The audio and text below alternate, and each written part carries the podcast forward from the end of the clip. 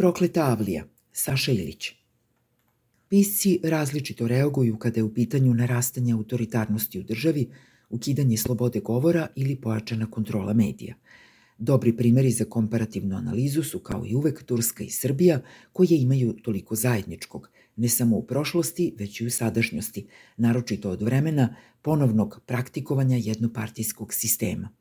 U Turskoj od 2003. kada je Recep Tayyip Erdogan postao predsednik vlade, u Srbiji od 2012.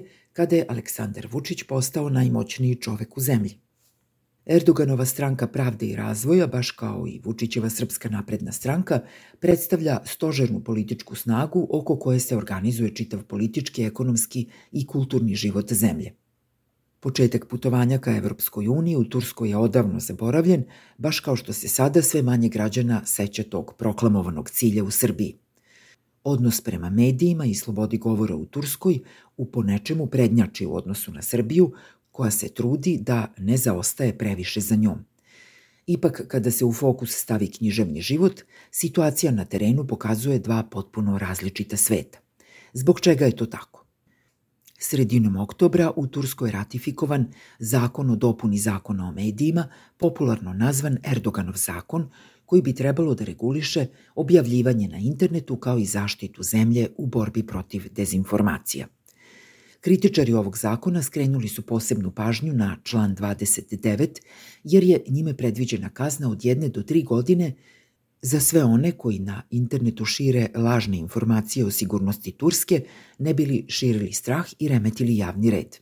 Pritom nije jasno definisano šta je to lažna vest, zbog čega se otvara široko polje zloupotrebe ovog zakona, što se pre svega tiče novinarskog, ali isto tako i književničkog esnafa.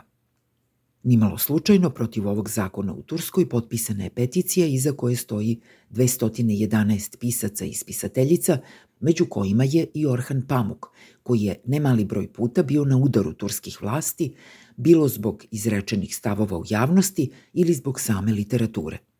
Njegov roman Noći kuge završio je na sudu, kada je jedan advokat iz Izmira podneo tužbu protiv Pamuka i njegovog dela, u kome je, po rečima advokata, pisac podstakao animozitet u javnosti, vređajući Kemala Ataturka i tursku zastavu. Deseta godina ranije Pamuk je osuđen zbog rušenja nacionalnog ugleda i izdaje domovine, jer je u zapadnim medijima govorio o genocidu nad Jermenima. Po svemu sudeći, novi Erdoganov zakon bi i ovu temu mogao da tretira kao lažnu vest, zbog koje bi potencijalni prekršilac završio na trogodišnjoj robiji. Posredno, ovaj bi se zakon lako mogao primeniti i na svakog kritičara lika i dela samog Erdogana, odnosno njegove politike. Pored Orhana Pamuka, među potpisnicima peticije, bili su i stari borci protiv autoritarizma u Turskoj, kao što su Zulfo Livaneli i Oja Bajdar, oboje aktivisti još iz vremena puča 1971. Odbacujemo ovaj zakon o cenzuri koji će zemlju gurnuti u duboki mrak. Neka istina o ljudima i svetu pobedi laži tiranina, stoji u izjavi koju su potpisali turski pisci i spisateljice. U Srbiji, večno radikalskoj, književni esnaf je neosetljiv na porast autoritarizma – Naprotiv, među piscima uglavnom nema nedoumica kada su književne i političke vrednosti u pitanju. Desno krilo se opredeljuje prema ljubavi, a levo po lepoti autoritarizma. Gotovo svima je samo razumljivo da na sajmu knjiga i ove godine u fokusu budu Vojislav Šešelj sa knjigom U Srebrenici nije bilo genocida i Ljiljana Habjanović-Đurović sa knjigom Ostroško Trimirje i da najveći redovi za autograme budu upravo na njihovim štandovima. U književnoj eliti, za razliku od Turske, uglavnom se vodi briga o tome kako da se diktatori očuvaju na vlasti.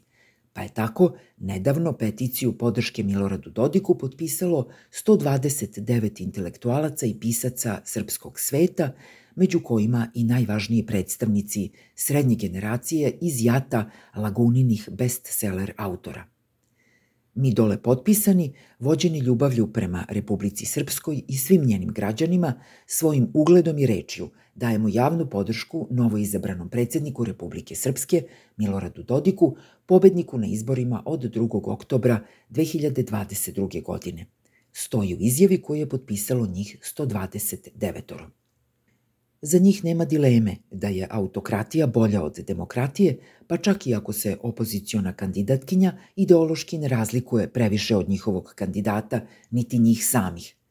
Nikada ne treba rizikovati, jer bi se ovako osigurani kapital mogao preliti na drugu stranu, a to ne bi bilo dobro ni za koga.